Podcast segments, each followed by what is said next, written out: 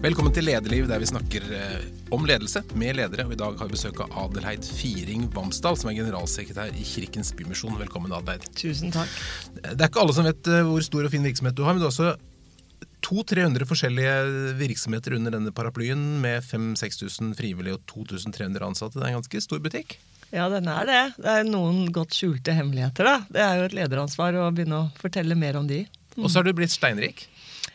Ja, eh, jeg fikk en kopp til jul av barna mine hvor bare tallresultatet fra TV-aksjonen sto, bare for å minne meg på hva jeg hadde gjort denne høsten som gikk. 257 millioner fra det norske folk i stor tillit gitt til oss, som vi skal eh, bruke på nye tiltak over hele landet. Hva skal du bruke den på? Vi skal bruke den på tre innsatsområder. Alt handler om utenforskap og gi folk møteplasser. Og så er det noe som er ganske akutt. I noen byer så sover folk ute og mangler mat og tak over hodet og et sted å gå og dusje. Så noe av det er litt sånn kom inn for natten akutt. Og så skal vi bruke det på møteplasser som handler om å gi folk arbeidsplasser. Og møteplasser, kafeer og steder for barn, unge og familier å låne gratis utstyr og få hjelp til å finne eh, fritidsaktiviteter. Og det siste er at vi skal bruke det på møteplasser for inkludering av nye landsmenn. Hvor langt rekker 250 millioner? Eh, til eh, godt fundamentert 70 nye virksomheter eh, fra Finnmark til Lindesnes. Er det nød nok? Ja, det er jo mer enn nød enn det. Hadde, jeg, hadde, jeg, har sagt nei til bare nå i etterkant av Når det gikk så mye bedre enn det vi trodde, så fikk vi noen ekstra midler på budsjettet, og de skulle fordeles. Og mm. da spurte vi liksom hva er de beste som dere holdt tilbake. Så jeg kunne levert på 100 millioner til i ferdige, gode prosjekter som bare kan rulles ut. Mm. Det, dere sa i forbindelse med TV-aksjonen at dere jobber for et varmere og mer inkluderende samfunn. Hvordan står det til med samfunnet på, for tiden på varme og inkludering, syns du? Jeg syns det er flere enn før. Nå høres jeg jo gammel ut, men jeg har jobbet mange år i, med barn og unge. Og jeg syns det er flere enn før som enten frykter å være utenfor et fellesskap, eller som faktisk er det. Og som beskriver eh, en grunnleggende liksom, ønske om å høre til et sted. Og det kan jo være alt fra at du ikke fullførte skolegangen og dermed ikke er på arbeidsmarkedet, til eh, eldre som sitter hjemme alene, har pårørende og familie langt unna. Og det eneste de ser, hvis ikke de har andre faste kommunale tjenester innom, er jo eh, at de kreker seg til butikken, eller at noen hjelper de å handle. Så det er liksom mange former for lengsel etter fellesskap. Hva er den viktigste årsaken til det? Altså til at det er blitt verre? Um, ja, Det er jo eh, ganske mangfoldig. For en del barn og unge og voksne så handler det jo om at de har vært nye i Norge. For noen handler det om at eh, forskjellene mellom rik og fattig øker så veldig, og at nå rammer dette større deler av befolkningen, ikke bare folk som har bodd alene hele livet. altså Den prototypen på hvem som er fattig, det endrer seg jo. Så det rammer barne-, ungdoms- og familiemiljøene. Og da blir barn og unge utenfor fellesskap. Eh, sånn at eh, i tillegg til skolegang så vet vi jo at det å være sammen med venner er det viktigste som barn og unge gjør. Mm. Og når de da ikke har råd, eller av andre grunner hindres i å være med på de eh, arenaene, som det blir dyrere og dyrere å være med på i Norge, så er det en form for uh, utenforskap. Um, og så bor eldre, bare for å ta den i helt andre enden av barneperspektivet, så bor eldre og skal bo, det er policyen i samfunnet, skal bo lenger hjemme Eh, de skal bo så lenge hjemme at på våre sykehjem i Kirkens Bymisjon så eh, kommer folk inn nå på båre, som de gjorde i sykehus før. Og de bor der i seks til tolv måneder. Eh, og sykehjemmene er i veldig stor grad et sted hvor folk også kommer for å avslutte livene sine. Mm. Det er også en slags form for ensomhet, da, at du skal bo så lenge hjemme og tilsynelatende klare deg selv.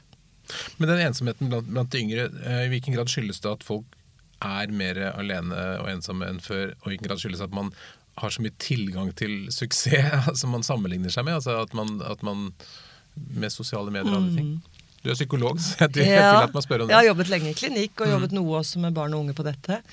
Nei, det er klart at eh, når du øh, går fra barneårene og speiler deg i dine foreldre eller andre viktige voksne, til at du da beveger deg inn i den tiden hvor du skal bygge identiteten din i å speile deg i andre jevnaldrende, så er det klart at de speilene som nå finnes for unge mennesker, de er, de er overalt. Det er som å være i et speilrom hvor du hvert tredje sekund får en respons eller en sammenligning på deg selv, eller blir fortalt hvordan andre ser ut, eller hvordan andre gjør det. Så det er klart at eh, det, er, det, går veldig fort å bygge identitet. Samtidig så blir det sånne skjøre bilder. Så øh, noe av øh, frykten for utenforskap handler jo om at liksom ikke det blir plass til meg, da. Fordi at disse speilene blir så dominerende. Eh, så det er en side av det. Og så er det jo lettere å utestenge folk. Nå er det ikke bare på bussen på vei hjem fra skolen eller fordi du ikke får være med å spille fotball på Løkka. Nå kan du jo faktisk bli utestengt fra fellesskap ved at du har en chat og så er det noen som finner ut at du skal ikke lenger være og prate med oss, og da er du plopp, så er du ute, liksom. Så utestengingen har jo også veldig mange andre former enn denne klassiske, gammeldagse måten å mobbe eller ekskludere på. Eh, men så er det jo mange som sier også at, og det har vi hatt eksempler på bare i media de senere tiden, at det er mye godt fellesskap også for de som kanskje bor på steder hvor de ikke helt finner de som de passer sammen med, da, så finner de det på nettet. Så det er jo begge deler. Vi må ikke liksom bare tenke at nye digitale plattformer er en fiende. Men at det er vanskeligere å falle til ro med hvem man er, som følge av at det er så utrolig mange speil hele tiden, det er det er nok ikke noe tvil om. Hvordan tenker du og dere når du da skal hjelpe i den situasjonen? For det første tenker vi jo at det er Nærvær av eh, trygge voksne blir, kommer jo aldri til å gå ut på dato for unge mennesker. Eh, det er vi helt sikre på. Og jo mer sårbare de er, jo mer de står i fare for å være utenfor et fellesskap, jo viktigere er det at man tilrettelegger for fellesskap, både med jevnaldrende, men også har voksne tett på. Aktivitetene våre på Hudøy hver sommer, som vi driver sammen med Oslo kommune, eller på vegne av Oslo kommune, egentlig, ehm, det er jo et godt bevis på at vi samler f.eks. barn og unge fra hele byen, på tvers av alle lag. Og så sier våre ansatte at de ser jo litt forskjell på hvor de kommer fra akkurat de første 24 timene. Og etter det er alle like møkkete, alle like oppskrapa, og så bygger de relasjoner. Så vi vet jo det at når vi tar bort en del sånne staffasjer og bygger sånne fellesskap på tvers av alt, så er det jo det vi liker best alle sammen, egentlig. Du kom til denne lederjobben for noen få år siden. Da var du i KFM, KFK før det. Hvordan tenker du at du skal være som leder i Kirkens Bymisjon? Har du en klar idé om din lederrolle? Ja. Jeg tenker at eh, for det første så Når jeg skulle bytte jobb, så hadde jeg vært leder i ni år, og jeg tenkte det var veldig vesentlig for meg å tenke gjennom om jeg hadde lyst til å være leder. Eh, fordi det er jo litt fort gjort at man liksom løper videre og nye utfordringer. Så den viktigste avklaringen, det var å faktisk si til meg selv vil jeg eller ikke vil jeg? Og jeg ville gjerne ha nye lederutfordringer. Så en del av hvordan jeg skal utforme rollen, handler jo faktisk om inngangen om at jeg har lyst til å fylle en, rolle, en lederrolle med noe. Det er jo en litt sånn rar tittel. En utdøende tittel. Generalsekretær. Det er jo bare er fin, store ideelle sektorer som har den. Men den, den har jeg liksom lært meg å stykke litt opp, da. Så jeg tenker da, når man tenker på En kamerat av meg som sa det når jeg fikk den tittelen aller første gangen i en lederjobb, sånn generalsekretær. Jeg tenker det blir mer general enn sekretær. Men jeg har denne dobbeltheten. da. For meg er det sånn at uh, generaldelen av dette, det er den visjonære lederen. Det er den som uh, snakker om, lever, holder høyt verdiene, formålet, kulturen. Og så, i en så stor virksomhet som det vi er over hele landet, med over 1,4 milliarder i omsetning årlig, og forvalter så mye menneskeliv og samfunns... uh, så tenker jeg det er viktig å være sekretær i ordets forstand, at man er en ordentlig administrerende direktør. Mm. Og at man tar eh, driften av selskapet, for å snakke et litt annet språk, veldig på alvor. Og ikke lurer seg til å tro at det holder med fine ord. At man også må ha lederblikket sitt på alt fra og innafor norsk lovgivning til rapporteringer, til å holde det man uh, lover, til å følge arbeidsmiljøet, til å ja, gjøre alle disse mer sånn uh, kontrollerfunksjonene, da. På en sånn måte at man fortsatt kan være visjonær og ideologen. Og det er jo en krevende balansegang, som f.eks. helse, som jeg kom fra, innimellom har jo løst ved at de splitter opp administrative stabs- og støttefunksjoner mer, og så lar de fagfolkene, legene, psykologene eller sykepleierne ta seg av mer den faglige ledelsen. I en generalsekretærrolle som dette så ligger fagledelsen, verdiledelsen og den administrerende direktøren i en og samme stilling. Og sånn er det i veldig stor grad i ideell sektor. Hva bruker du mest tid på? Den visjonære eller den mer administrative? Eh, det varierer jo avhengig av hva organisasjonen trenger til enhver tid. Akkurat nå er vi på vei inn i en strategiprosess. Um, og det betyr jo at deler av å lede en strategiprosess handler om å sette verdier og formål veldig høyt, og målbildet. Sånn at det, det vi tegner ut sammen, at det tråkker på de 160 års erfaringene som vi har. Eh, 30 år bare med spredning ut i landet, men i Oslo så har det jo vært 160 år med Kirkens Bymisjon. Og så må man jo da derifra bevege seg inn i overgangen mellom det visjonære målbildet og det praktiske 'dette trenger samfunnet nå'. Jeg tenker Det er mye, mye kombinasjonen av ideologen og fagpersonen, da. Men eh, eh, når man får 257 millioner i tillit i TV-aksjon, eller har oppdragsfinansiering for 800 millioner i året, så, så er jo eh, kontroll rapportering. Det er jo en månedlig aktivitet. Mm. Så det er vel bare der hvor man kommer inn hvor skuter er litt synkende, og hvor ting er veldig, veldig kritisk og sånn, at jeg vil si at, at jeg har hatt huet mitt veldig inn i den litt sånn mer administrative delen kontinuerlig, da. Mm. Det har det ikke vært uh, her. Men jeg har jo opplevd lederjobber hvor det har vært helt avgjørende. At man tar ordentlig harde grep og har nedbemannet, f.eks. Som jo gjør vondt, men må til. Du er litt uvanlig utdannelse til lederarbeid. Du er psykolog med spesialisering i klinisk voksenpsykologi og videreutdanning i arbeids- og organisasjonspsykologi, har jeg lest. Er det et bra utgangspunkt for å være leder? Ja, jeg har vært veldig fornøyd med det. Eh, jeg hadde nok ikke helt liksom sett det for meg at det var, ikke, det var ikke sånn oppi mitt hode at liksom jeg skal ta denne utdanningen og så skal jeg bli leder. Jeg var jo i klinikk i over ti år. Um, så det har nok kanskje Men Hvilken verdi har din utdannelse i det daglige? Det ligger jo i, i, psykologien så legger du jo veldig mye altså Forståelsen av det enkelte mennesket sitt atferd, eh, motivasjon, Eh, holdningsendringer, eh, flytte seg fra A til B. Så det ligger jo på det individnivået så ligger det jo mye menneskekunnskap. Men det ligger jo like mye egentlig på gruppedynamiske nivåer og på organisasjonsnivåer. Hvordan man bygger kulturer i store enheter f.eks. Dette er jo en del av faget i psykologien, og som man får mer av i den videreutdanningen på arbeids-. Så jeg syns jo den er veldig anvendelig. Og så gjelder det jo å vite når man får slagsider opp mot faglinja si. og jeg tenker det har vært viktig for meg å avklare at jeg er leder til enhver tid, og at uh, klinikeren i meg får ligge og hvile, og at uh, personalansvar er noe annet enn å være behandler. Og så vet vi jo det at uh, både Psykologforeninga og mange psykologer før meg som også har vært toppledere, de har en høy bevissthet om at de er utrolig tålmodige på prosess. Det er jo noe av det vi er lært opp til, ikke sant? Å stå i det over tid. Så kanskje um, eh, noe av det jeg har jobbet med også, er jo å bli ta avgjørelser når det må tas, og ikke tåle for mye. Jeg har hatt noen som alliert meg med sånne gode assisterende. så Når de kaller meg for sjefen og lener seg utover bordet, da vet jeg at er, nå, er, nå, har vi holdt på lenge nok. Nå skal saken lukkes.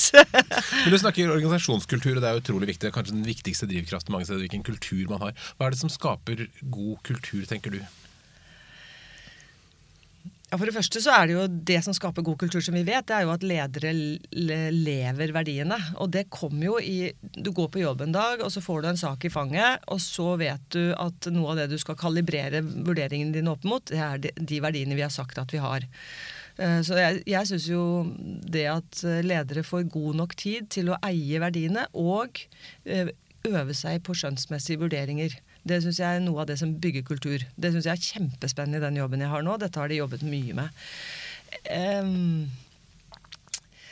Det andre tror jeg, er at uh, vi mennesker vi blir jo ganske forvirra når uh, ting ikke kan settes i system, og vi lager uh, bokser fort opp i hodene våre og sånn. Så jeg tenker en, en, en kultur som tåler mangfoldet, som setter veldig høyt å vise fram det i ulike sammenhenger. Bygge kultur for at det skal være rom for den introverte lederen. Og det trengs i mange sammenhenger. Jeg, meg, jeg er ikke så introvert. Jeg lar meg imponere av og til av hva disse stillegående lederne får til eh, i mange sammenhenger. Så det å liksom kultur som bygger opp oppunder mangfoldet, og at ikke det er et sånt øh, noe du må, da. Og da tror jeg du får også en kultur som er trygg. Og jeg er veldig opptatt av at det skal være miljø for å gjøre feil. Eh, at uh, Det var en som sa til meg en gang jeg tok over en stafettpinne, så sa jeg jeg får unne meg å gjøre feil. Og så lukket han døren og nærmest ropte til meg lov meg at du gjør feil. Det kommer jo ikke til å skje en damn shit her hvis ikke du gjør feil. Og det tenker jeg, den, den kulturen, det er, det er jeg opptatt av. Og så vet vi jo at man kan bli så indre opptatt av kulturen så det er slagsiden, da, at man blir veldig sånn indremedisinsk opptatt av kultur, og at man glemmer det som jeg er veldig opptatt av i lederskap, nemlig at man ser utover sin egen virksomhet, utover sin egen bedrift. og Man ikke har et formål for formålets eh, skyld, og til Kirkens Bymisjon, hvor vi både skal være til for enkeltmennesker, men også bygge samfunn og gode lokalsamfunn, så må vi se ut av vår egen kultur, ut av vår egen virkelighet, hele tiden. Ellers så mister vi relevansen. Mm. Du nevnte verdier. Hva gjør du for å få verdiene til å leve i organisasjonen? Um, ja, for det første så tror jeg at enten du da skal fortelle om et nytt prosjekt, gjør noen endringer, um, eller du setter deg et nytt mål, eller du legger et budsjett, så mener jeg at uh, verdiene skal alltid være med. Strategien og verdiene skal alltid være med. Sånn at vi ikke mister det av syne. Modig for eksempel, er jo en verdi som veldig mange bedrifter og organisasjoner tar opp i seg nå. Mm -hmm. ja, Og så hvor risikovillig er man egentlig? Det, sånne ting må jo jeg stille meg spørsmål om når jeg legger årets budsjetter. Er, jeg, er dette et modig, modig, budsjett? Er det et modig budsjett med tanke på hva jeg kommer til å få inn i andre enden? Men er det også et modig budsjett i forhold til at jeg har satset på der hvor det er mest kritisk, men hvor kanskje faren for at man mislykkes også er litt større? Hvor er det vi trengs mest? Og så er det en annen ting, og det um, jeg hørte om, jeg ble kjent med en dame nå som var med og planla åpningen av nye Gardermoen. 22 000 ansatte som skulle læres opp og levere på åpningsdatoen. Og det er jo forskjell på hvordan vi, vi ledere er til å snakke og bygge kultur.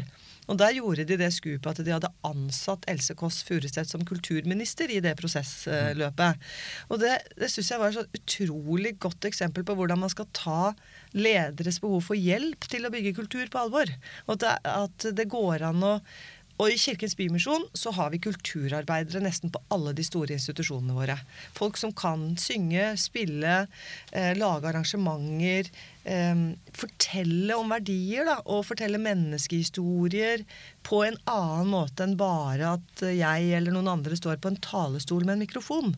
Av og til er jo det en, et revynummer eller en uh, rappeartist sier jo av og til vel så mye som en leder som står på en talestol. Har, du har en stab da som består av uh, mange flere frivillige enn en fast ansatte, men, men, mange av hver. Hvordan får du det til å spille godt sammen, med de som er der for pengas skyld, og de som er der for frivillighetens skyld? Jeg tror vi er, vi er, jo helt avhengige av hverandre. Og noe av det som har uh, kanskje de siste um, 10-20 årene som har blitt en sånn veldig høy bevissthet um, i hos oss, er at eh, vi stiller store krav til faglig kompetanse. Vi kan ikke drifte alt fra spesialist barnevern til lavterskel rus, til uh, kafeer, til store institusjoner, til uh, spesialisthelse, hvis ikke fagkompetanse står veldig høyt. Så det er den ene siden av det. De, jeg tror de spiller godt med frivillige fordi vi sikrer oss fagkompetansen også på det administrative, altså ansatte nivå. Og så, eh, når det gjelder eh, frivillige, så tenker jeg de jobber jo med hjertet sitt, men vi har jo en økende grad av det vi kaller for uh, um, profesjonsfrivillige. Folk som ikke lenger vil steike vafler på fritida si. Altså, ikke noe galt med vafler, men eh, folk vil bidra med noe de kan. da. Sånn at vi ser jo det at eh, flere og flere, enten det er i Gatejuristen, hvor eh, både jusstudenter og jurister bidrar med faget sitt inn i frivilligheten, så, så er det noe med at folk jobber med hjerte og hode, enten de er frivillige eller det er fag. Og så er vi jo Vi er jo til en viss grad som arbeidsgiver så kan du gi noen marsjordre det er klart at det er vanskeligere å gjøre det i frivilligheten når folk liksom skal gå hvert skritt frivillig. Eh, men med gode prosesser så syns jeg også vi kan styre frivilligheten sånn at folk får egnede oppgaver og opplever de meningsfylte, og at de er godt fulgt opp. Hos oss så har vi eh, fra du melder deg som frivillig, kommer gjennom intervjuprosesser, kartlegger interesser, hvor mye du har lyst til å være med, hva slags kontrakt har du lyst til å skrive. Så klart det har jo skjedd en profesjonalisering i frivilligheten også. Hvordan ser rekrutteringssituasjonen ut? Er det lett å få frivillige? Eh, på noen områder så er det veldig lett, og særlig når man får så mye publisitet som vi fikk i forbindelse med TV-aksjonen 2018. Eh, men eh, alle ledere i frivillige organisasjoner må holde et høyt trøkk på det. Og noe av det som kanskje kommer tydeligere og tydeligere fram nå, det er jo at de frivillige selv, apropos utenforskap, sier at det er jo selve meninga med livet til veldig mange, og at det har vært um, en dimensjon som har gjort at de selv Det er ikke noe veldedig greie som de øser ut liksom i overskuddet. Det blir en vesentlig del av det, de frivilliges egen livskvalitet. da. Og det har jeg jo som frivillig erfart selv. Når jeg liksom sliter etter en dag i toppleder barne- og ungdomsorganisasjon, går av toget og eh, går rett på un ungdomskveld med 30-40-50 ungdommer, ikke sant? så sier folk 'hvordan orker du det?' Og så sier jeg du skal bare vite hvor mye energi jeg har når jeg får liksom lov å være sammen tett på. Eh, men hvis noen hadde kommet og spurt om jeg ville ha betalt for det, så hadde jeg jo tenkt nei, det vil jeg ikke ha, for da kan jeg jo bare ta sekken min og gå når jeg liksom blir frustrert. Så det er noen forskjeller her. Dere er jo, har jo da Kirken i navnet. Altså, kirken er jo litt sånn utrendy eh, sånn generelt. At man prøver å strippe samfunnet for eh, kirke og kristendom og ut av skolen. og Det er mange kristne eller eh, kirkelige organisasjoner som har vurdert eller tatt bort navnet fordi man føler liksom ikke det har noe appell lenger. Mens dere drar jo da inn rekordmye på TV-aksjonen. Hva tenker du rundt det? Er, er kirken og kristendommen en viktig, et viktig element hos dere? Ja, det er jo en del av vår formålsparagraf og vår, vår opprinnelse fra Oslo Indremisjon. Den gangen noen da så et behov. Det kom unge jenter til byen som begynte å vandre i gatene. ikke sant? Og menn som sov ute og ikke hadde tak over hodet, og hvor de åpnet båter i Vika og eh, tok eh, unge jenter inn i ly. Eh, så tenker jeg det er jo den den, menneskesynet vårt er jo forankret i denne kirkelige trostilhørigheten, hvor vi sier at um, hvert enkelt menneske er verdifullt og unikt og fortjener på en måte respekt, rettferdighet og omsorg. Så den er jo veldig tydelig forankret, både menneskesynet og den opprinneligheten med da denne Oslo Indremisjon. Um, så er, Vi har jo en dobbelthet der som ikke bare går på kirke og den tilhørigheten, men vi har jo også bymisjon, som jeg får veldig mange spørsmål om. sånn at hvis man skulle først sette navnet på spissen, så er det jo både kirke og misjon. Mm -hmm. Men i uh, misjonsperspektivet her så handler det jo om mission-oppdraget. Og jeg tror rett og slett at veldig mange forstår at det vi gjør, er å omsette det menneskesynet i praktiske handlinger. Så det er jo en diakonal organisasjon som omsetter det man tror er verdien i et menneske, til praktisk eh, handling. Og at man tar samfunnsoppdraget sitt og sier at man i tillegg vil være med å avdekke og påvirke og bidra til samfunn og byer som har plass til alle. Rom for alle. Men er det i noen sammenheng en begrensning, det at man er en uh, religiøs organisasjon? Hos oss jobber det jo folk fra alle religioner. Eh, det er like vanlig for eh, oss på ledersamling å ha ulike typer eh, religioner samlet. Så det er i hvert fall ingen begrensning i forhold til hvem som er ansatt, hvem som er frivillig. Dette er vi i ferd med å synes jeg, få færre og færre spørsmål om. Når det gjelder å være oppdragsfinansiert av og til, det å gjøre um, levere lovpålagte tjenester til, til, den norske stat, da, eller til de kommunale byer, så uh, så opplever jeg veldig lite spørsmål rundt dette. Det er ganske avklart at vi ikke driver med for, forkynnelse i våre virksomheter. Mm. Men Gir den kristne uh, forankringen noen uh, føringer på hvordan du skal være som leder? Altså, først og fremst er det vel mitt eget verdisyn. Mm. Og hva jeg selv tror er et ålreit menneske og en god leder, som legger mine muligheter og, og begrensninger. Jeg, um, jeg har jo valgt denne jobben fordi at uh, man totalt sett tror at jeg er egnet, men jeg har ikke uh, blitt avkrevd uh, en hel masse moralske spørsmål og ja, det er, det er, det er ikke, Jeg kjenner det ikke som noe tvangstrøye, men jeg kjenner jo også at jeg kan kle på meg formålsparagrafer, jeg kan bære verdiene, og jeg stro, står for troen og menneskesynet vårt.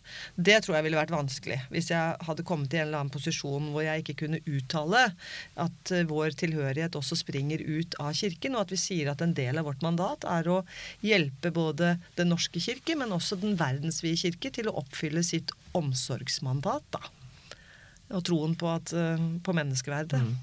Denne sektoren som du representerer, den organisasjonslivet som på en måte ligger da mellom offentlig sektor og de mer private velferdsaktørene, hvilken betydning tror du den sektoren har i tiden fremover?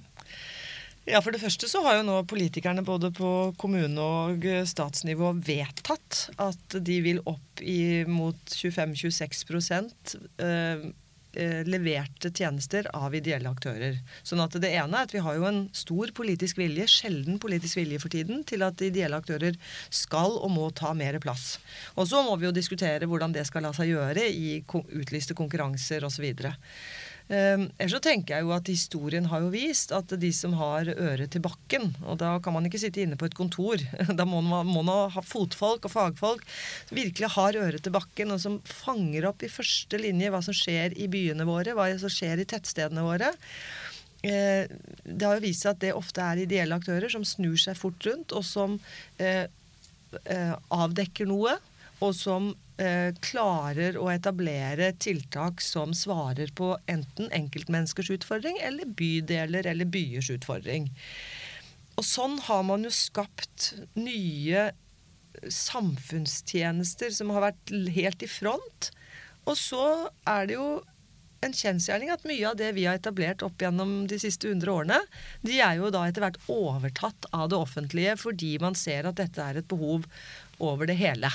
Eh, et av eksemplene bare senest nå denne uka. Vi har et tiltak som heter Myrsnipa. Som er et sted hvor barn får lov å være sammen med sine foreldre. De som ikke bor sammen med foreldrene sine, som har foreldre som er i fengsel, eller av andre grunner ikke får lov, eller, eh, eller um, har pålagt tilsyn når de er sammen med de. Og nå, er det altså, nå diskuteres det i barnevernsfeltet fra den offentlige side om ikke denne type samværsinstitusjoner, som det Myrsnipa har funnet opp av eh, Kirkens Bymisjon, sett et behov, om ikke det bør være en del av tjenesteforløpet i et godt barnevernsarbeid. Hva tenker du om det? Ja, Helt konkret så tror jeg dette er helt avgjørende. Jeg tror at vi skaper møter mellom barn og foreldre. Men Tenker du det er riktig at det offentlige overtar det, eller kunne dere hatt det, kjørt videre? Jeg tenker at vi, vi, kjemper aldri for å beholde noe som er så viktig at det skal bli en allemannsrett. Da er det jo viktig at dette kommer inn i tjenester som det offentlige skal levere. Om de da leverer det gjennom oss eller andre ideelle aktører, eller om de leverer det selv, det blir jo alltid en avveining. Men det at man får øynene opp for ekstremt gode, utviklede faglige tiltak som har gjort eh, som gjør, gjør, noe veldig viktig, og så tar det opp i seg, det tror jeg er helt riktig. Hvilke tiltak eller prosjekter eller sånn, så har du har fascinert deg mest de siste årene? Altså smarte løsninger på velferdsproblemer? Ja, den, Det jeg akkurat nevnte, er nok en av de hvor jeg tenker at vi står litt maktesløse overfor liksom barnegenerasjonen som vokser opp uten kontakt med foreldregenerasjonen. Og særlig da kanskje i et barnepsykologisk perspektiv. Det å ha noen gode timer i trygge omgivelser med sine foreldre, selv om man ikke lever med de, skaper en helt annen identitet i den oppvoksende slekt enn en sånn mystifisert, rar avstandstaking til sitt biologiske opphav. Så det her, er, det her skjer det magi på samvær på tre timer. Eh, for generasjoner. Um, ellers så uh, har jeg Vi har jo et helsesenter for papirløse. Og som tidligere ansatt uh, spesialist i psykisk helse, så må jeg si at i et samfunnsperspektiv så gjør det jo veldig inntrykk på meg å vite at dette startet Kirkens Bymisjon sammen med Røde Kors mot alle anbefalinger. Man så et behov helt ute på gata av papirløse som ikke fikk nødvendig helsehjelp. Ble advart av de politiske miljøene med unntak av noen få partier og valgte altså å starte et helsesenter hvor det ikke minst er 120 profesjonsfrivillige som går vakter sammen med våre faste ansatte eksperter. Eh, og så ha mot til å avdekke og ikke minst lindre et sånt arbeid, eh, og, nærmest være litt eh, lite lovlydig, da. Og så få ansvarlige myndigheter i tale på hvordan dette kan se ut andre steder i landet. Det gjør inntrykk på meg. Og det gjør inntrykk på meg både når vi ser hvordan ansvarlige eh, myndigheter ber om å få komme og høre, og at eh, noen er absolutt på reise til å åpne dørene for å se annerledes på problemene og hvordan man kan tilrettelegge. sånn at vi, jeg mener det er en stor del av påvirkningsoppdraget vårt er å vise fram hva vi får til. Men så er det også det når du da går en frivillig vakt, være med på en suicidalvurdering som kliniker med en erfaren psykiater og vite at den 22-åringen, som er yngre enn min eldste sønn, går ut på gata, har ingen steder å gå og vet ikke hvor den skal sove om natten. Og har vært på flukt i fire år, kanskje siden før den ble myndig. Det er liksom det perspektivet da, på hva gjør du for den enkelte, og hvordan påvirker du myndigheter og ansvarlige mennesker til å gjøre noe med liksom virkelig store behov. Litt, du har jo vært ja. gjennom det, kanskje det største en organisasjon i Norge kan oppleve da, siste året, TV-aksjonen. Ja. Eh, og har jo blitt intervjuet 100 ganger og vært rundt og snakket. Hva, hva, har du lært om kommunikasjon og medier og det å være en kommuniserende leder i det siste året? Jeg var veldig opptatt av det at jeg vet at når jeg blir eh, eh, nervøs eller litt for selvbevisst eller syns at jeg bærer veldig mye av omdømmet vårt i sekundene liksom, på direkten eh, på mine skuldre, så blir jeg streng og veldig lite tiltalende. Sånn at jeg tror nok noe av det jeg har lært personlig, ikke minst å sitte på en åtte timers direktesending i NRK, er at uh, jeg må være trygg og forberedt nok på de vanskeligste tingene til at jeg kan snakke om dette uten å ha ryggen til veggen. Så sånn kommunikasjonsfaglig så har jeg nok eh, tenkt at uh, det å eie det man snakker om så langt som mulig, og så tenke at man må ikke ha Man er ikke noe orakel, det har jeg lært. Eh, og så har jeg fått veldig mye respons på at jo um, jo nærmere man er det feltet man jobber i, jo mer man forstår det, jo mer varmt man snakker, jo mer gode eksempler man har, jo mer tillit og troverdighet har man. Og så er det jo grenser for mye menneskers skjebner man skal utlevere. Men det å liksom balansere det opp mot det som vi kaller for samfunnsstrukturer og sånn, og så denne tryggheten.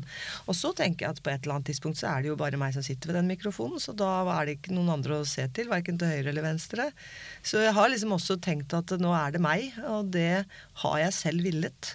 Så da må jeg tråkke til. Du må jo ha vært flink, da, siden du har fått så mye penger. ja, du, da må jeg bare mm. Det må jeg få si at vi hadde 100 000 bøssebærere i TV-aksjonen som var ute og gikk og besøkte alle husstander i Norge. Eh, så ja, jeg tror vi har apropos merkevare, den er det jo, den omdømmemerkevaren, den er det jo kundene eller tilliterne eller giverne som trenger, og så trenger vi mye annet.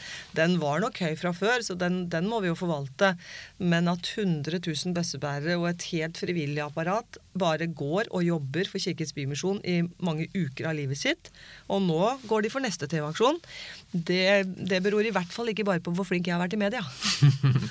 Men nå har du alle disse pengene, du har noen fem år du skal bruke dem opp på. så det er sånn det er reglene. Hva blir de viktigste, eller hva blir største utfordringen for deg som leder for, for å få dette til å funke på en bra måte? Ja, jeg sa jo at vi skal inn i en eh, Det er første gangen at eh, de tolv stiftelsene av Kirkens Bymisjoner, som er unge og gamle, veldig forskjellige, i hele Norge skal lage en felles strategi. Og da, er det jo veldig fort gjort å tenke at liksom, ja, vi skal lage en felles strategi, vi begynner på scratch. Ingen begynner på scratch når de har fått uh, eh, 70 nye tiltak som skal etableres de tre til fem neste årene. Så jeg tror at noe av noe av suksessen blir nå at vi lærer av det store strategiske arbeidet vi har gjort med TV-aksjonen, og trekker det med oss inn, og ikke glemmer at vi har ganske formidable planer de neste årene. Og samtidig tenker jeg det er jo ikke alt som er favnet av denne aksjonen, for den er ganske målrettet. At vi eh, klarer å heve blikket og se litt inn i glasskula med våre verdier. Hva er behovene for mennesker og, og, byer i Norge nå? Og så lage noen litt overordnede målsetninger og drømmebilder på en sånn strategi. Men når det gjelder å realisere og bruke disse pengene, så handler jo alt om det som jeg blir så imponert av hos våre folk hver dag, og det er at um, Just do it, altså Nike sitt ordspråk, syns jeg gjelder veldig mye for oss. da. Sånn at det være en leder som ser at folk gjør de møtene med lokale kommunepolitikere eller administrasjon. De finner det huset som de, alle de nye skattkamrene med utlånssentral for barn og unge skal være i. De går i møter for å eh, finne ut hvor er det vi kan rekruttere frivillige. Altså, de, det handler om å gjøre jobben, da. Det det ble jeg veldig imponert over. Hvis en ung person kommer til deg og sier jeg vil bli leder, jeg vil bli sånn som deg, Adelaide, hva, hvilke råd vil du gi for at, hvordan blir man en god leder? Tre råd. Glad i mennesker. Um, um, ville noe. Altså um, Og hvis de vil ha en hvis de vil bli en sånn leder som meg, så har jeg i hvert fall ofte tenkt at det som driver meg, er den dobbeltheten mellom effekten det jeg og jeg får lov å lede, har på enkeltmennesker, og denne doble agendaen med å få lov å påvirke det større bildet og hvordan samfunn vi egentlig skal ha. Så det å tenke gjennom hvor tett på man som leder ønsker å sitte effekten, det tror jeg er viktig. For jeg vet om mange lederjobber eh, som nok har en større distanse til effekten. Det er noe med at jeg tror jeg trenger av og til Jeg må ha liksom litt jord under fingrene. Helt til slutt, Jeg leste et intervju hvor du ble spurt om din favorittbok, og så sto det at det var notisdagboka der jeg reflekterer for å holde rundt livet mitt. Det var en sånn fin formulering. Hva, hva gjør du for å holde rundt livet ditt? Hva ligger i det? Ja, nå gjør jeg én ting til. Eh, de siste årene så har jeg jogga litt. Så det er også en sånn Jeg jobber, jogger uten musikk. Fordi jeg tenker at det er noen ting som liksom faller litt på plass, eller eh, blir litt langsiktige linjer i når jeg løper. Um, men jeg skrevet helt siden jeg var ung, og lurt alltid på hvorfor jeg holdt på med det, egentlig. Og tenkte kanskje er det en sånn der eh, tvangstanke jeg har, at jeg liksom må nedfelle alt mulig. Men så ble jeg heldigvis klar over faktisk en undersøkelse hvor noen prøvde å finne liksom, hva er noe hva, kan vi finne et eller annet som forener gode ledere? Altså, Hva er det med disse lederne når vi liksom virkelig tar det overordna? Og da var det i hvert fall én undersøkelse som viste at det disse lederne gjorde, er at de skriftlig reflekterte og bearbeidet eh, hva de sto i, og sitt eget bidrag og sin egen på en måte posisjon og, og tanker om veien videre eh, i et eller annet skriftlig materiale. Og da ble jeg helt så trygg, så tenkte jeg ok, så lenge jeg er leder, skal jeg fortsette å skrive. Hva kan det stå i en sånn Du skal ikke røpe alt. Det er din, din dagbok. Ja, Det står i hvert fall ikke hva jeg spiste til lunsj.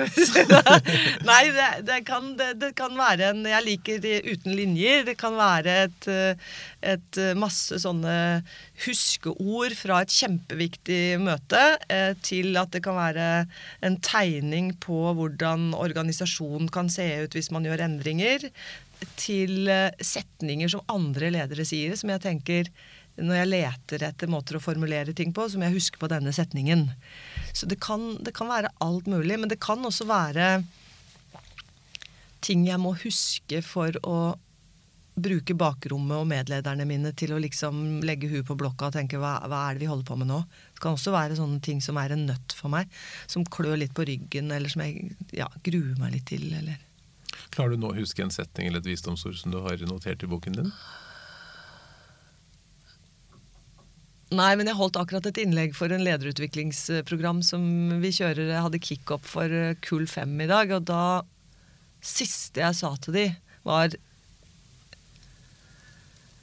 eh, Dette er ingen lederfabrikk. Målet er at du skal være så sann eh, leder i rollen som mulig. Det tenker jeg. Det øver jeg meg på hele tiden. Å ikke bli verken noe skygge eller noe hort eller noe Det må være meg forent med mandatet fra organisasjonen og utfordringene rundt oss. Adelaide, tusen takk for at du kom til Lederliv. Lederliv er en podkast fra Apeland. Redaksjonen består av Ellen Paulsen, Lars Jarle Melum og meg, Ole Kristian Apeland. Og du kan kontakte oss på kontakt at lederliv.no.